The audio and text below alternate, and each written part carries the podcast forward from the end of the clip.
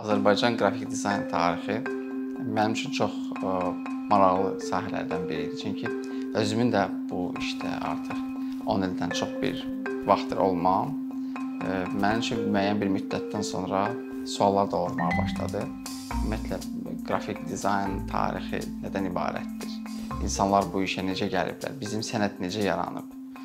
Və Azərbaycanda xüsusilə bu iş necə inkişaf edə bilər?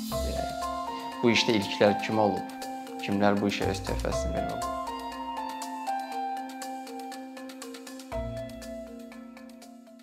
Bu işi qazıyanda biz görürük ki, ümumiyyətlə bu tarixi köklər əslində uzağa gedir.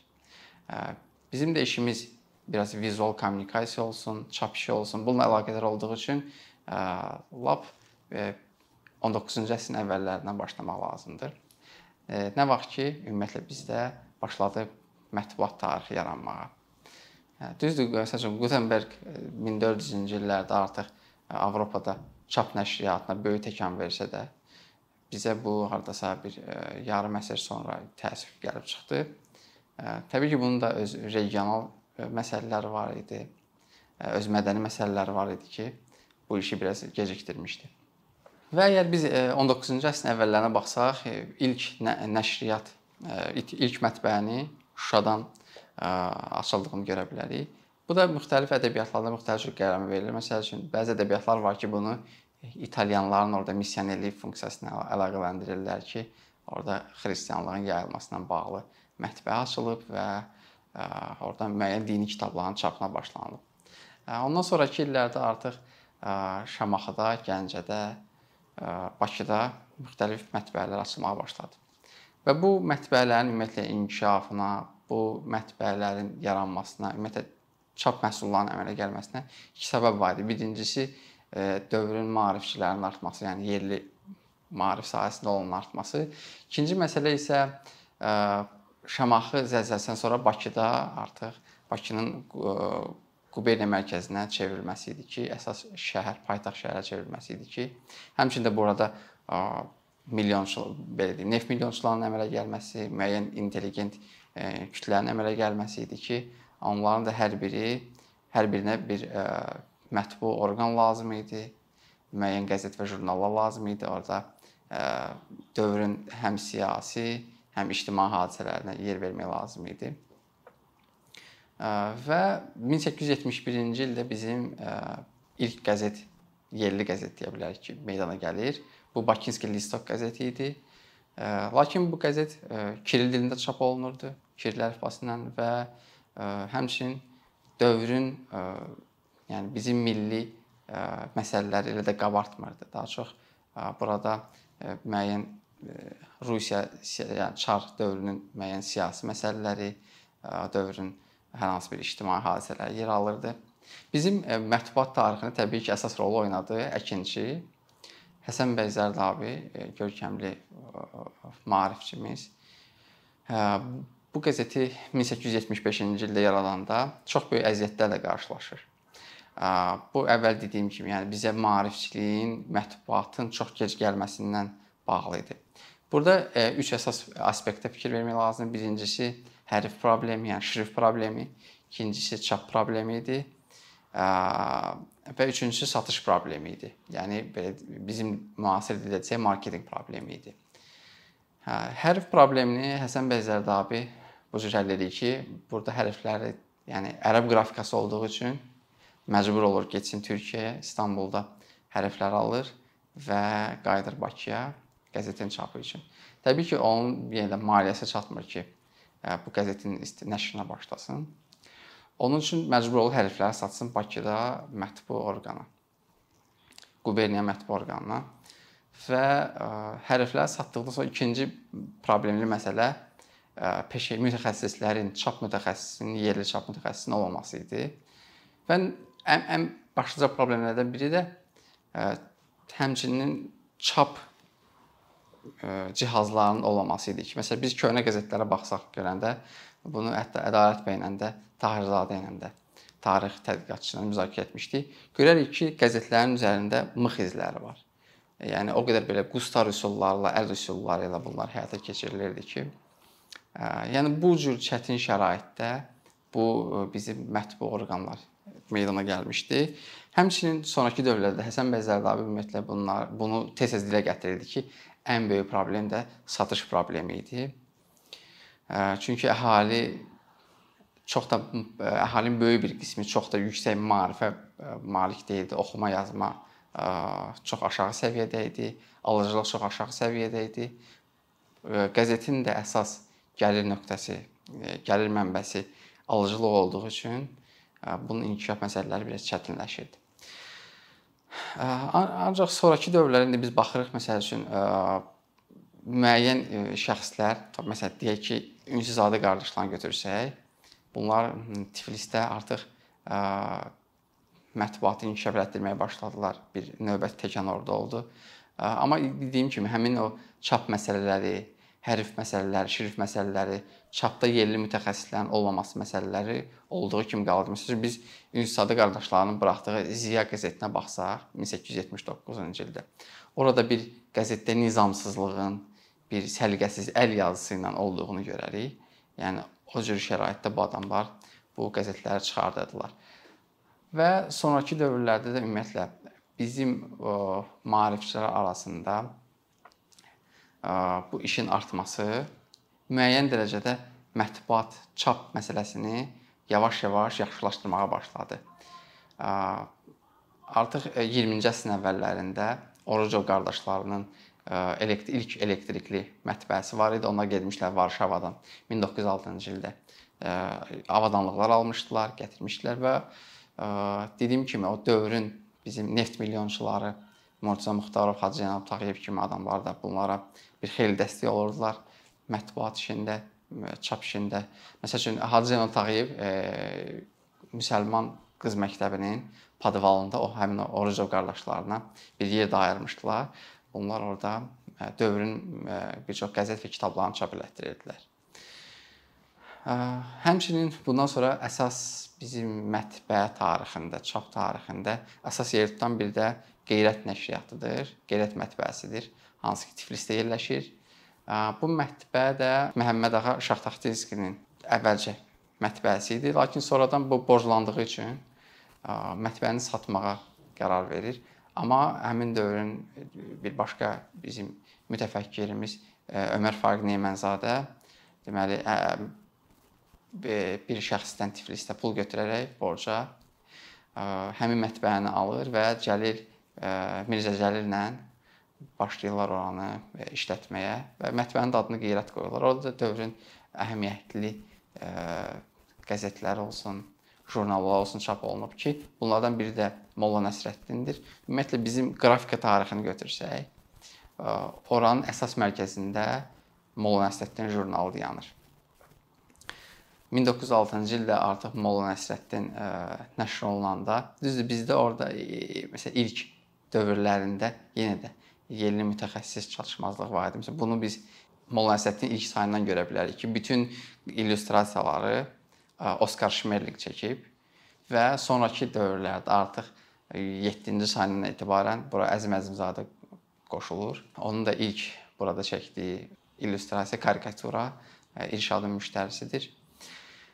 Və Əzim Əzimzadə bizim demək olar ki, bu qrafika sənətinin banisi kimi və müasir dilləncə bir influencer rol oynayırdı ki, ondan sonra da artıq bu ə, iş, rəsm işi başlayır yayılmağa. Çünki biz bilirik ki, ə, müsəlman dininin ə, müəyyən şərtləri var idi ki, bu da ə, real təsvirlər olsun, rəsm, rəsmi qadağan edən məsələlər var idi ki, bizim rəssamlar daha çox həmin dövrün xəttatlıqla məşğul idilər. Yəni Quran yazılmasıdır və yaxud da müxtəlif plakatlar olsun, afişalar olsun, bunların xəttatlıqla yazılması idi və yaxud da ornamentlər olsun, naxışlar olsun, bunlarla məşğullar. Ancaq peşəkar rəssamlıqla məşğul olan, peşəkar illüstrasiya ilə məşğul olan demək olar ki, bizim mütəxəssisimiz yox idi.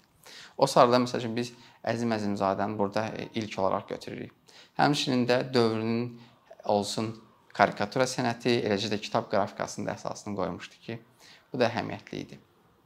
Təbii ki, Molla Nəsrəddin bizim tarixdə ə, rol oynadığı kimi ondan çıxan, ondan sonra çıxan bir çox dövrün ə, jurnalları da hansılar ki, artıq litoqrafiya üsulundan da orada istifadə olunurdu, çapından. Rəngli illüstrasiyalara keçid alınmışdı. Burada Yusif Vəzir Çəmənzəminində, yəni sonrakı dövrlərində illüstrasiyalar getməyə başlamışdı. Və 2 və 20-ci illərdə artıq elə Əzim Əzimzadənin təşəbbüsü ilə Bakıda ilk məktəb təsviri sənət məktəbi yaranır. Sonrakı dövrlərdə elə özünün adı verilən Əzim Əzimzadə adına rəssamlıq kollecinə çevrilir gələcəkdə. Və bu məktəbdə yerli rəssamların, qrafik ustalarının yetişməsinə əsas təsir göstərir. Məsələn 30-cu illərdən biz baxsaq artıq buradan çox fərqli simalar çıxmışdı. Elə onlardan biri də Rüstəm Mustafayevdir ki, hal-hazırda da İncəsənət Muzeyi onun adını daşıyır. Rüstəm Mustafayevin stili də həmin dövrə xas olan Rusiyanın bura rəsm təsirinin əsas qaynaqlarından biri olan konstruktivizm elementləri görmək olar. Yəni o dövrün üslubundan tamam fərqlənirdi, yenilikçi bir üslub idi.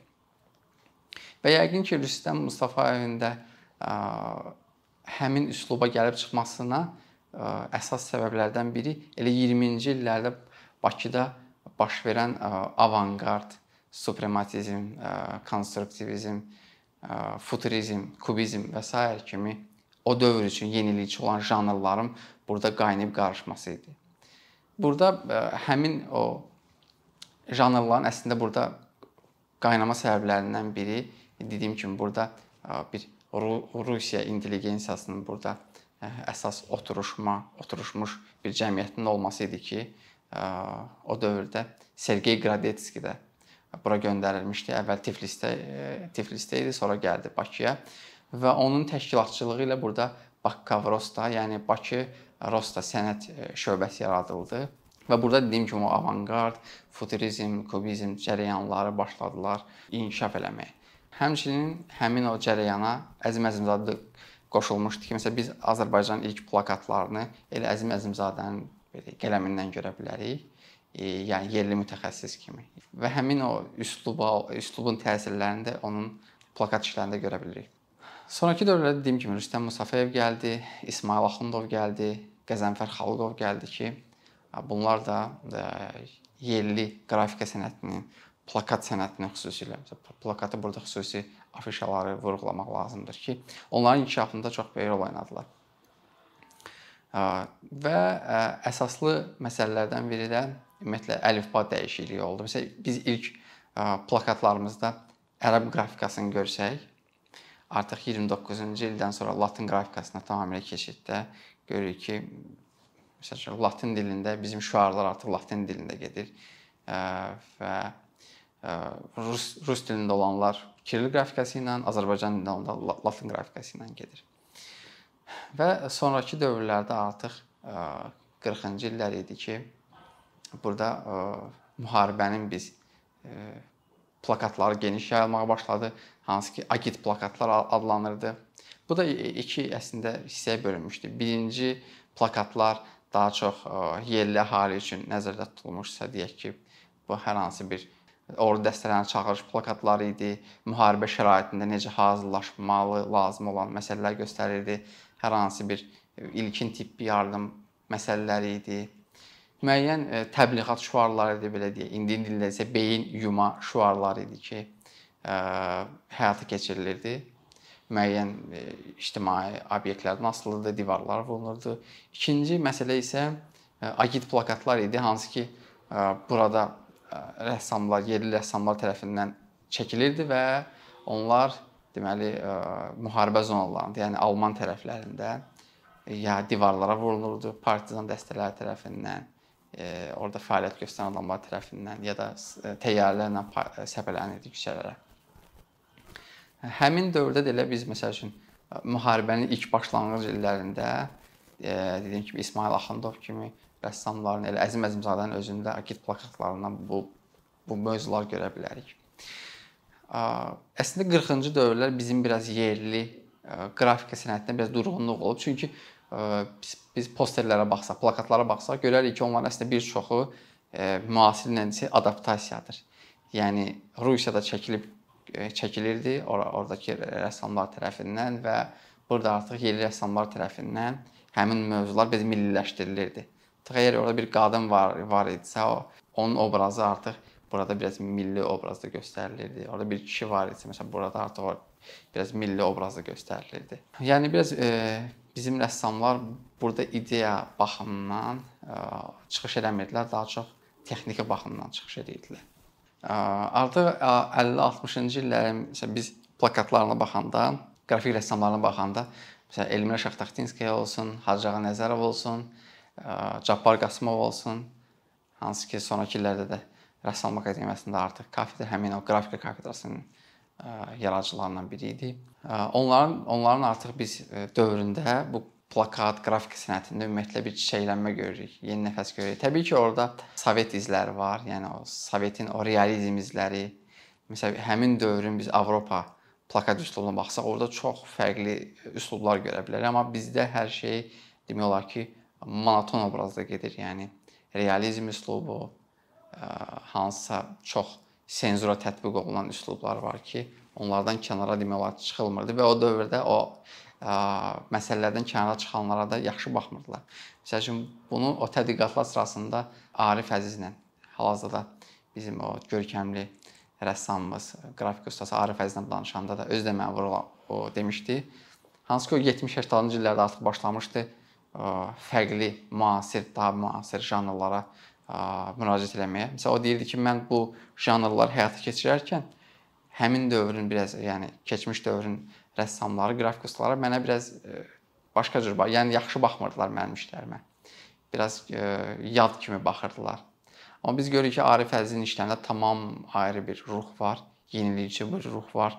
Müasir, daha müasir rənglər var, müasir texnikalar var. Arif Əzizdən başqa həmin dövrə xas olan, yəni bizim daha müasir dizayna yaxın sənətkarlardan biri Zaur Kantemirovu göstərə bilərik ki, onun əsərlərində də bir çox yeni texnikalar var.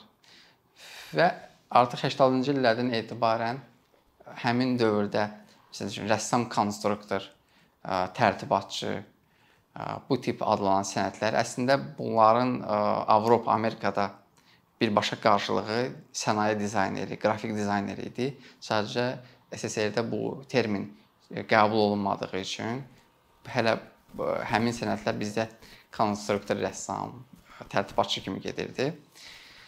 Və bizim dilə bu termin hardasa 80-cı illərin əvvəlindən, yəni dizayn termini 80-cı illərin əvvəlindən daxil olmağa başladı.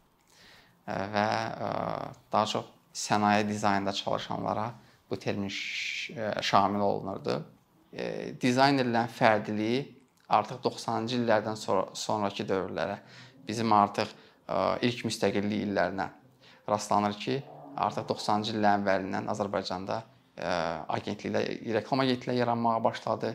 Müəyyən memarlar artıq özlərini dizayner adlandırmağa başladı. Müəyyən qrafik ustaları artıq keçdilər fərdi fəaliyyətə və özəl sifarişlər götürməyə ki, bu da Azərbaycan ə, qrafik dizayn sənətində yeni yol açdı və deyərdim ki, Azərbaycan artıq nəhayət ki, dünyanın o qrafik dizayn axınına qoşula bildi.